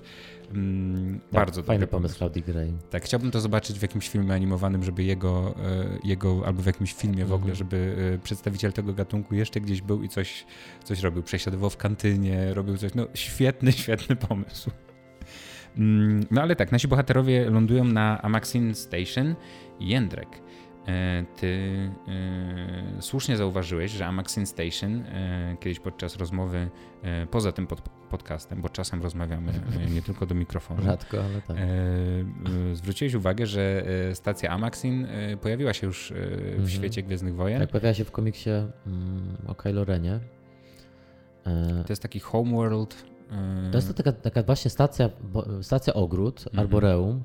E, mm, jakaś taka, ona jest pokazana w tym komiksie tylko przez chwilę, bo to jest miejsce, które Kylo Ren odwiedza, bo tam przebywa e, Snoke. Mhm. E, w, trochę, w trochę innym wydaniu niż Supreme Leader Snoke. Już, do, już jak się dowiadujemy, dowodzący jednak najwyższym porządkiem, ale jednak jeszcze nie będący tym, tym ich przywódcą, tym nowym imperatorem. I on jest takim jakby opiekunem nagle tej, tej takim ogrodnikiem, takim, ogrodnikiem. Tak, takim mhm. opiekunem właśnie tej, tej, tej stacji porośniętej e, e, e, no właśnie taką bujną roślinnością, jak, taką dżunglą wewnątrz tej stacji. I tak, i to jest, to jest ta sama stacja, którą tutaj ponad tak prawie 300 lat wcześniej odkrywają nasi bohaterowie i ona jest właśnie jakąś pozostałością już cywilizacji, o, o, o której też krążą już tylko legendy. To mi się też bardzo podoba. Wracamy znowu do tego takiego wyjściowego pomysłu Lukasa, że, że, że ta galaktyka jest. Dzieje się to gdzieś dawno, dawno temu mhm. i jeszcze to ma dawniejszą historię. E, dlatego jakby też częścią oczywiście tej zagadki jest, czemu służy ta stacja. Potem okazuje się, że, że ma bardzo konkretne zastosowanie, które znów po raz kolejny rozszerza albo komplikuje nasze rozumienie, nasze rozumienie hiperprzestrzeni, bo tam się okazuje, że, e, że ona jest zagrożeniem, bo ona jakby może wystrzelać z siebie takie pody e, escape pody, które kojarzymy ze, sta- ze statków kosmicznych, które w bardzo krótkim czasie przez hiperprzestrzeń mm, są w stanie, w- lecąc, przez hiperprzestrzeń, takie pociski lądować na innych planetach. Mhm. I to staje się zagrożeniem, bo Nihil e, chcieliby to wykorzystać, żeby w ten sposób też e, takie robić zasadzki na Republikę. Na szczęście, e, znów spoiler, naszym bohaterom udaje się e, ich powstrzymać, e, no ale na szczęście nie zniszczyć stacji, no tego nie mogliby zrobić. Bardzo, bardzo też ciekawy pomysł z tą stacją i, e, i to, co udaje się dobrze też Claudii Gray zrobić tutaj, to e, e, sam pomysł eksplora, eksploracji tej przestrzeni Mhm. i tego, co, co nasi bohaterowie tam znajdują. Trochę przypominało mi to klimatem grę, mm, tę nową grę, która wyszła, czyli mm, nie Jedi Outcast, Fallen Jedi. The Fallen Jedi i to i trochę tam, tam nasz bohater e, w tej grze, e, bohater przemieszcza się po różnych e, starożytnych świątyniach i tak dalej, musi odkrywać tajemnice dawnych cywilizacji i tutaj, i tutaj trochę podobny pomysł, nasi bohaterowie też odnajdują jakieś takie totemy, Posągi. posągi, których, które jak się okazuje są właściwie taką, taką tworzą zaklęcie, e, które, e, które utrzymuje e, ciemną stronę Mhm. w ryzach na tej stacji. Tak oni niesłusznie na początku myślą, że to te posągi emanują ciemną stroną mocy i zabierają y, na Coruscant do świątyni Jedi. Okazuje się, że świątynia Jedi w ogóle jest położona na, jakby fundamenty świątyni są na, na takim jakimś miejscu y, należącym wcześniej do Sithów. Tak, e, to była osada jakaś Sithów, to e, nazywa się to Sith Shrine. Mhm. Shrine Czyli ołtarz jakiś Tak, e, i, e, i bardzo, e, bardzo e, nowa chyba informacja Mhm. dla nas, e, że Ja nie wiem, czy to nie było w legendach. Nie wiem, czy to nie jest coś, co też teraz przywracają, ale Okej. chciałbym sprawdzić. Ale, Ale nie wiem, nie wiem, czy w kanonie już po prostu Nie, pojawiła się ta nie- infor- jest pierwszy informacja, że, że świątynia Jedi jest zbudowana na tym Mhm. i oni faktycznie, e, nasi bohaterowie wchodzą do, e, do podziemi e, świątyni Jedi e, i tam e, z takimi właśnie mówią, że e, ojej, te schody zbudowali Sithowie i w ogóle te, Mhm. te przestrzeń zbudowali Sithowie i, i tak dalej. Strasznie fajny pomysł. I, e, i No w ogóle, żeby zbudować swoją świątynię na ruinach świątyni swoich zaprzysięgłych wrogów. I też trochę to wygląda tak, jakby, jakby sama świątynia Jedi była, e, też miała taką, e, taką funkcję jak te, e, jak te posągi z, Mhm. ze stacji Amaxin, że też Mhm. jakby może po prostu, wiesz, pilnuje, w sensie jakby, że to jest jedno wielkie zaklęcie, które, Mhm. e, które trzyma w ryzach ciemną stronę. Bardzo w ogóle mi się podoba ten magiczny aspekt Tak, tak, tak. mocy. I, A teraz po wprowadzeniu tego do kanonu spodziewam się, że za jakiś czas zobaczymy, nie wiem, jakiś komiks, jakiś film, gdzie, gdzie dowiemy się, co, co Palpatine zrobił z tą świątynią, Mam nadzieję. e, z tym Sith Shrine, e, będąc jednak, e, no mając swoją siedzibę na, mm, na Coruscant, też on po prostu zburzył świątynię Jedi, nie? Czy nie wiemy, co on ze świątynią Jedi zrobił? E, chyba nie zburzył świątyni Jedi. Chyba, e, wiesz co, nie wiem. Nie wiem, co Mhm. się stało ze świątynią Jedi. dopiero mamy się tego dowiedzieć teraz. Może mam, ale teraz tak pomyślałem, że e, on miał ten swój e, gabinet, e, ten, ale to przecież był senat, a nie ten, bo on miał Mhm. pod senatem jeszcze ten swój gabinet, to pomyślałem, czemu nie, czemu od razu się nie przeniósł do, do, tej, do tej starożytnej Mhm. świątyni Sithów pod świątynią Jedi. No tak, ale może, może też o tym szykują jakiś komiks, wiesz, gdzie, gdzie on burzy świątynię Jedi po to, żeby zerwać to zaklęcie i żeby dowiedzieć się czegoś o, o starożytnej magii Sithów. No właśnie, bo to, że nie ma Sithów y, tutaj, co, co jakby od początku było... Przykro ci? Nie, właśnie byłem taki podekscytowany, jakby co zamiast Sithów. No i na przykład Claudia Gray y, y, już dała jedną odpowiedź. Teraz musimy się przejmować tym, że ciemna strona mocy to też coś, co posiadają rośliny. Tak. I w ogóle jest cały wątek tego, że rośliny potrafią też jakby emanować ciemną stroną mocy, być owładnięte y, ciemną stroną mocy. E, No a wielkim twistem tej powieści jest to, że głównym wrogiem są właśnie e, gwiezdnowojenne enty, Mhm. czyli e, dreng, drengirowie, Tak. taka rozumna rasa drzew e, wypełniona ciemną stroną mocy. które gadają i które robią które chcą pożreć. pożreć naszych bohaterów. Ja sobie trochę, bo ty mówisz drzewa, ja trochę sobie ich wyobrażam, nie mogłem przestać sobie ich wyobrażać jako, y, nie pamiętam jak się nazywał ten bohater, ale pamiętasz w Little Shop of Horrors? Y, było takie, było takie Mhm. jedzące, jedzący kwiat, y, który wszystko zjadał. Ja przez cały czas sobie i on tak rósł, rósł, rósł, aż przestał być kwiatem, tylko był taką, takim Mhm. potworem po prostu wielkim i ciągle mi się z tym to kojarzyło, że on wygląda jak z Little Shop of Horrors. Miał taki bardzo fajny nowy wróg, bardzo też przerażający. I e, przede wszystkim magiczny. magiczny. Nie są to, w sensie, e, oczywiście Nihilowie też e, pojawiają się w tej książce i są jakby takim drugim, drugim Mhm, antagonistą. antagonistą dla naszych bohaterów, ale, ale ich już znamy, no i to jest jednak taka po prostu grupa przestępcza, coś, co w tym świecie już dobrze znamy. Jak, e, a z nimi sobie bez problemu radzą w tej części. Tak. Tam, oni tam próbują jak zatruć, ale tam ktoś tam coś wysadza. Tak, to wszystko się dzieje właściwie e, równolegle do wydarzeń z książki Light of the Jedi. Mhm. Mm, I e, więc tak gdzieś. Tak, bo, bo, bo mistrzyni głównego bohatera ginie właśnie w Light of the Jedi podczas tej bitwy kosmicznej z, z tą częścią Nihil e, e, i tutaj o jej śmierci dowiaduje się jej padawan po powrocie na Coruscant, czyli to faktycznie dzieje się równolegle do wydarzeń z The, the Light of the Jedi. No i ci właśnie Drengirowie okazuje się, że oni też chcą tą e, stację kosmiczną odzyskać, żeby móc e, e, kolonizować inne światy, które pożrą. No na szczęście Jedi na chwilę ich powstrzymują. Jestem ciekaw, czy Drengirowie powrócą. Oni mają tą bardzo fajną zdolność, jeśli chodzi o, o bycie wrogiem dla Jedi, że odrastają im te ucięte fragmenty kończyny, co jest bardzo przydatne, jak się walczy z, z kimś uzbrojonym w miecz świetlny. Tak.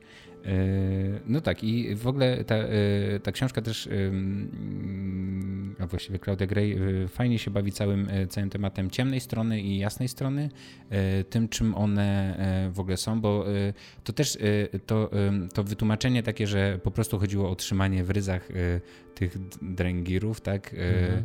jest, jest takie w sumie proste, ale tam widać, że tam chodzi e, jeszcze o coś więcej, że jakby ta emanacja tej ciemnej strony na, e, na stacji Amaxin jest, jest czymś więcej i w ogóle cały pomysł na tą stację, nawet to jak ona wygląda, bo możemy ją bardzo dobrze obejrzeć sobie w komiksie, więc ten to, jest, to jest bardzo fajny projekt i widać, że jest tam jakiś mrok, że coś Mhm. po prostu No, chyba nie bez powodu Snoke potem tam urzędu, urzędował. bardzo fajne to jest zresztą połączenie, to, że, to, że Mhm. Snoke później tam jest. E, nie wiem, chciałbym wiedzieć coś więcej o, e, o tym, co on tam robił i jak Ja jestem bardzo ciekaw, czy wiesz, za kilka lat nie okaże się, że, że, yy, że wiele osób będzie, sobie, będzie pluć w brodę i przyznawać rację, że to był jednak świetny pomysł, żeby Snowka zlikwidować, a potem opowiedzieć, opowiedzieć go w taki sposób, którego nie dałoby się w filmach opowiedzieć. Mhm.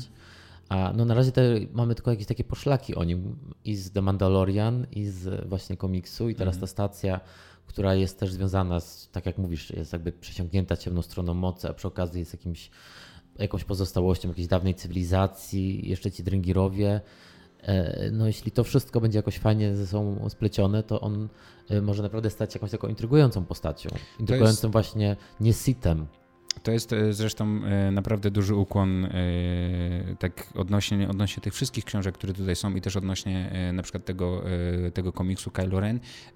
Ogromny ukłon do tej Story Group, która, e, która zajmuje się w tym momencie budowaniem całego tego świata, bo, bo mm, właśnie wprowadzenie tej, tej Amaxin sta- sta- Station jest, no, jest świetnym pomysłem. Coś małego, wyciągniętego z innego komiksu, rozbudowane tutaj. Widać, że to powstawało też równolegle e, i e, jakby mm, jeden utwór działający na drugi i dopowiadający jego historię strasznie dobrze to działa, dobrze na wyobraźnię i w ogóle e, świetny, no No tak, oni się teraz bardzo zajmują y, powiązywaniem. To w tych książkach były takie y, różne smaczki, tak jak już wspomnieliśmy o tym klanie Santeków.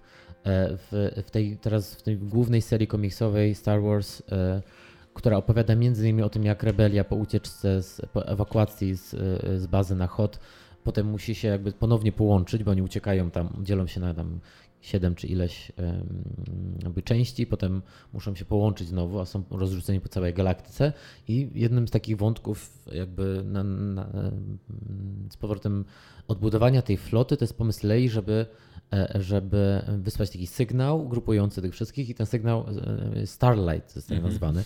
I ktoś tam szybko opowiada, że tak, że to jest od- odniesienie do. Więc jakby podoba mi się, że oni wprowadzają przeszłość i od razu ją też równolegle splatają, tak, przynajmniej w komiksach właśnie, z, tak. z tymi lepiej, lepiej nam znanymi czasami. W ogóle ta książka o Claudii Gray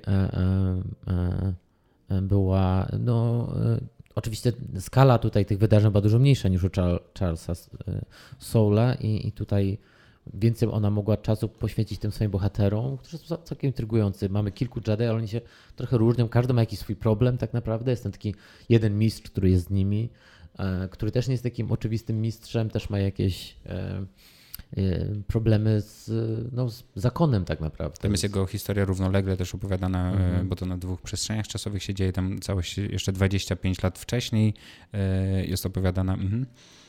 Mm, no tak. Y, y, mm, też y, ta książka faktycznie jakoś tak fajna, zwarta jest ta historia. Mówię, jest w niej, powtórzę to jeszcze raz, jest w niej bardzo dużo magii.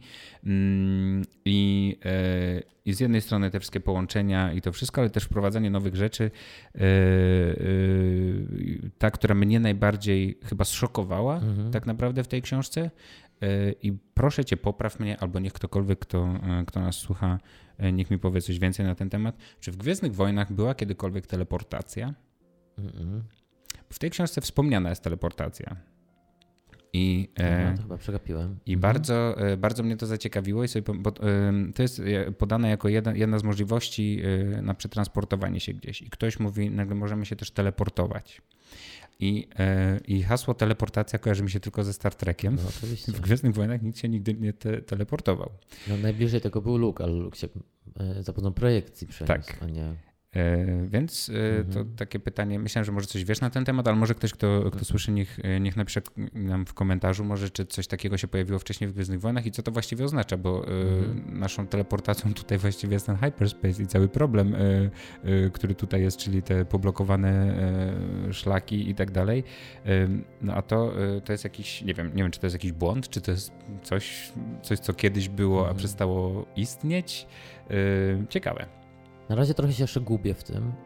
Mhm. E, za, momentami zastanawiałem się, czy nie gubię się przez to, że tak dużo wiem o tym świecie i trochę za dużo czasu z tyłu głowy sobie e, e z tyłu głowy mi zajmuje porządkowanie sobie, aha, to, to, jest, to jest tu, a to wtedy, aha, tego jeszcze nie ma, a, o Boże, bakta, wiesz, teraz to mogę mhm. na takie pierdoły, e, e, przez co e, szczególnie wspomnienia z Charlesa Soula, którego czytałem już też jakiś czas temu, mam takie zamazane dosyć, bo tam jednak było strasznie dużo, tam on nie wiem, on też bardzo dużo na przykład czasu poświęcił dokładnemu opisowi, jak e, wyglądają, jak działają nowe statki Jedi. E, jakby, jakby tak. też już buduje przyszłe zabawki prawdopodobnie. Tak. E, więc ta, ta pierwsza część, tak, taka mam zamglone wspomnienia, bo wydaje mi się, że tam najwięcej jednak tego world, world buildingu zostało dokonane. Mm, ale ale no, wydaje mi się intrygująca mm, ten pomysł na tę serię. Ten moment w historii Republiki, to jak, jak to jest to pokazane, że mamy tych rycerzy, którzy są dosłownie takimi rycerzami właśnie, e, pełnymi światłości i, i, jakby dobra i szlachetności. Przy okazji ta Republika, która jest na, tak potężna, że, mm, że, że ma jakby chęć poszerzenia się i jakby jeszcze bardziej zwiększania swoich wpływów Wydaje mi się to e, po prostu szalenie ciekawe, żeby o tym nam teraz opowiedzieć. Natomiast też jakby gdzieś tam na horyzoncie widzę, że to będzie zmierzać na pewno do, do tak naprawdę podprowadzenia nas pod to, dlaczego ta Republika i Zagon Jedi byli w tak, byli tak w tak już słabej formie, że tak powiem, tak upadającym kształcie 200 lat później, tak, w, przy Mrocznym Widmie. E, to co, to, co mi się najbardziej podobało chyba w ogóle w tym wszystkim, to właśnie, e, właśnie to, o czym mówisz, czyli zderzenie e, świata, które widzimy w Mrocznym Widmie, w którym Lukas tak naprawdę planował pokazać nam właśnie te, ten szczyt rozwoju Jedi i tak dalej. Widzimy, że, że tak naprawdę świat z prequeli i nawet już ta Rada Jedi z Mrocznego Widma, to już jest, to już jest zupełnie inna organizacja i to już jest zupełnie inna republika i, i, i, i to e, ta próba opowiedzenia o ideale właściwie, czyli mm. o tym, mhm. co się działo 200 lat wcześniej, e, jest bardzo ciekawa i e, szczerze mówiąc na początku myślałem, że to będzie trudne albo jakieś może nie do końca udane, a muszę przyznać, że jestem bardzo zaintrygowany i i dopiero teraz, dopiero teraz tak, w sensie chyba, chyba przez to, przez tę całą serię wydawniczą będę zupełnie jednak inaczej patrzył na prequele, że to już, już Rada Jedi to są już jacyś upolitycznieni, e, może nie tyle skorumpowani, co jacyś tacy, wiesz, trzymający się może... Zepsuci już. Zepsuci już trochę po prostu y, rycerze Jedi, którzy, y, którzy no, jak wiemy, doprowadzą do upadku, y, bo, bo będą do upadku swojego zakonu i tak naprawdę całej republiki, bo, no bo zaślepie ich jakaś taka, taka wiara w to, że, że za pomocą jakichś procedur albo czegoś da, mhm. się coś, da się coś jeszcze załatwić. Więc nie wiem, tak sobie myślę, że jako jako ktoś, kto miał okazję żyć w tych czasach e, i, e, i dożył do, e, do upadku republiki, czyli Joda, że on już jest teraz za wszystko odpowiedzialny. Wszystko mhm. zwalam na Jodę. To on przecież to wszystko widział i, e, i, I miał. Nic nie powiedział. I nic nie powiedział, więc e, jestem ciekaw. A może on był po prostu przez cały czas na tej misji, Jędrek, przez 200 lat. No i... wiesz, na, na, na, tak, no właśnie, może ta misja trwała 100 lat, no kto wie. I, e, ale i... tak, ale masz rację. No też ciekawy jest tutaj ten pomysł, że to zagrożenie um, pojawia się z zewnątrz, że, mhm. że wiesz, wchodząc w świat Gwiezdnych Wojen od, od tych od pierwszych filmów i od w ogóle tego konfliktu między Imperium a, a Rebellium, no to, to tak teraz już mając te inne filmy i seriale, widzimy, że to jest taki mikro, nie tylko u, urywek z tej historii, ale też mikro obszar, na którym to się dzieje. E, oryginalna trylogia i ta walka między Imperium a Rebelią. A tutaj mamy, znów ta galaktyka się powiększa i to zagrożenie płynie z zewnątrz, dlatego że nikt nie jest w stanie ogarnąć tego, co się dzieje w galaktyce. Jest to niewo, niewyobrażalne zadanie. E, więc tacy, tacy nihil już od lat funkcjonują, tak? Skoro ojciec tego obecnego Eye of the Nihil jest założycielem, a Jedi nic o nich nie wiedzą.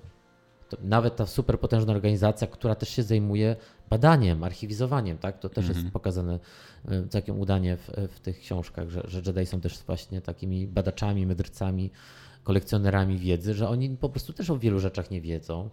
E, I, e, no i ta galaktyka faktycznie składa się z tych różnych obszarów i to widzę, że te Story Group bardzo też duże, dużo, duży nacisk kładzie na to, żeby nam w tych wszystkich nowych komiksach, serialach, e, książkach bardzo jednak pokazać, że ta że to, że jest jakaś rozrysowana mapa tej galaktyki ma swoje znaczenie dla tych historii, że są takie rejony, które są kompletnie nieznane. Nie?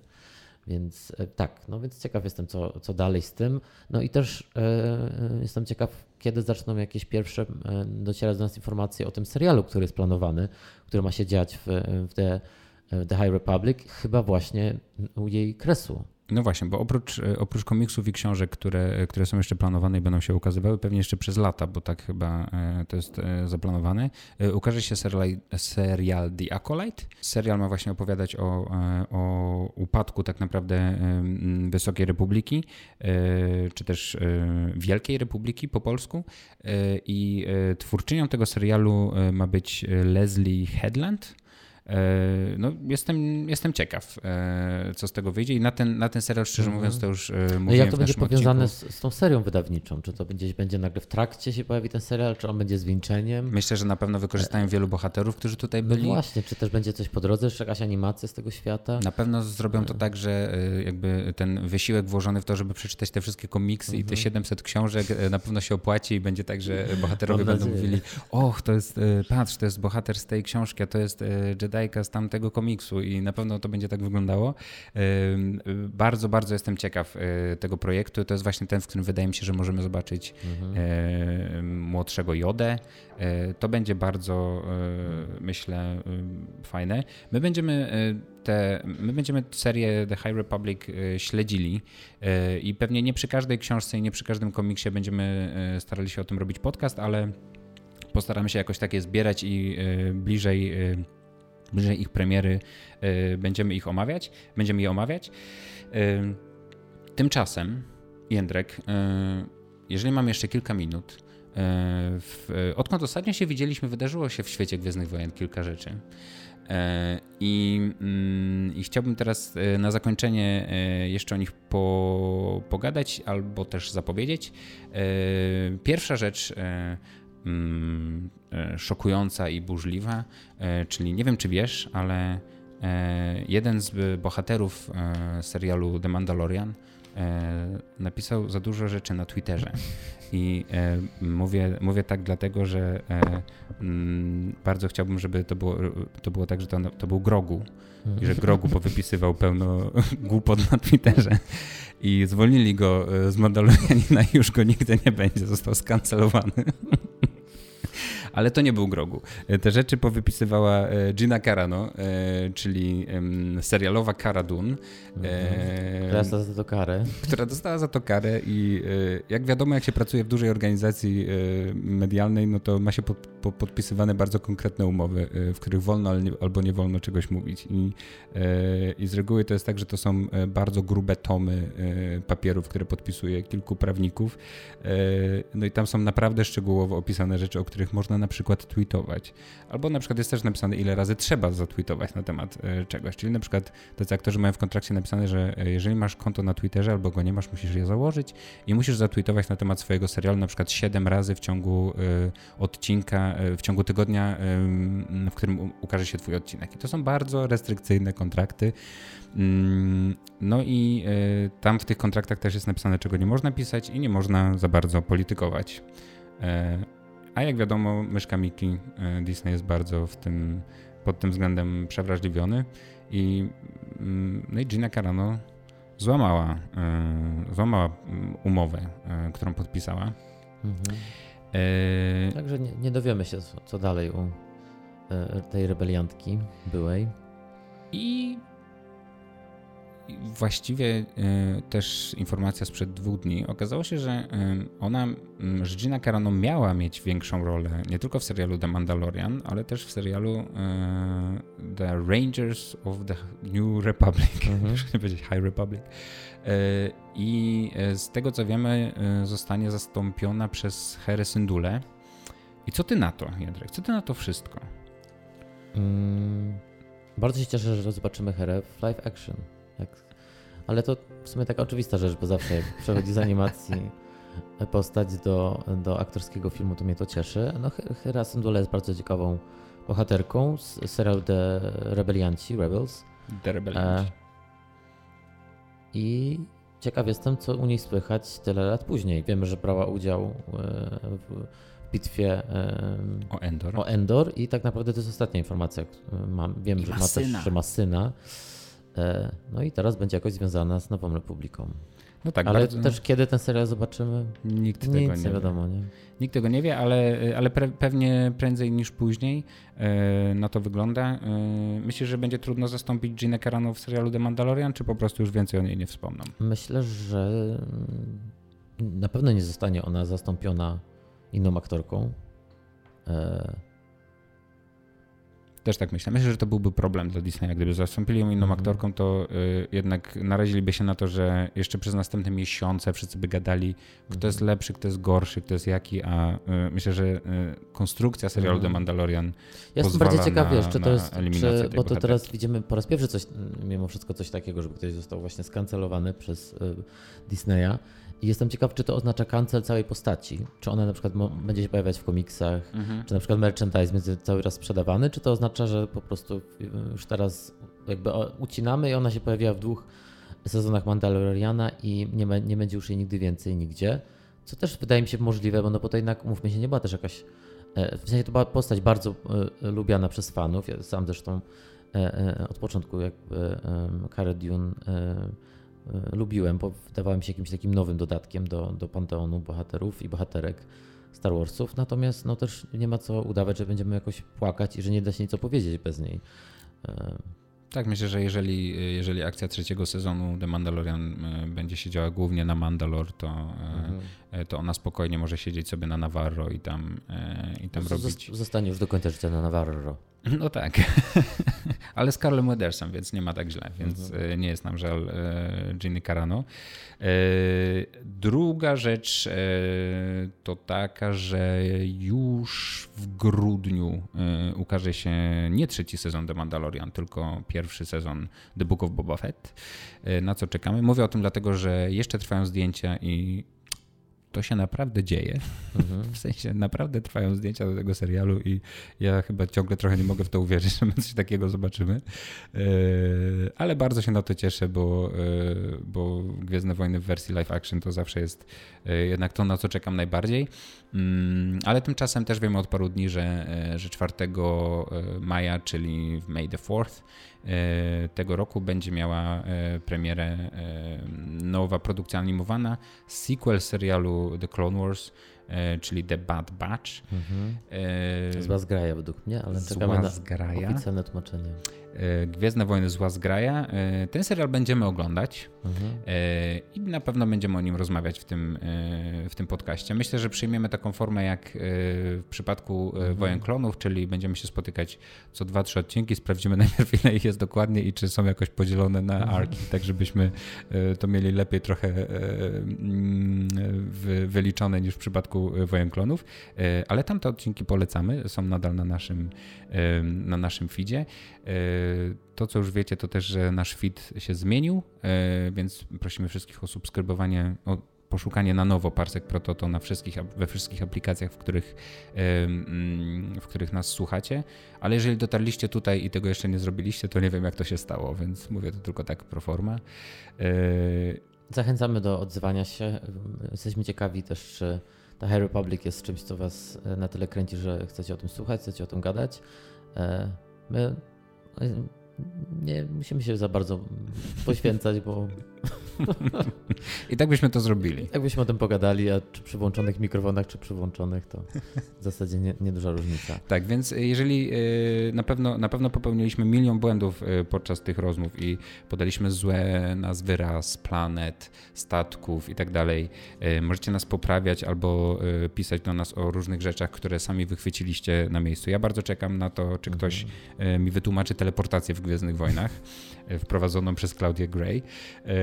I, I tyle. Myślę, że usłyszymy się w takim razie mm, niebawem. Niebawem i we have spoken. We have spoken.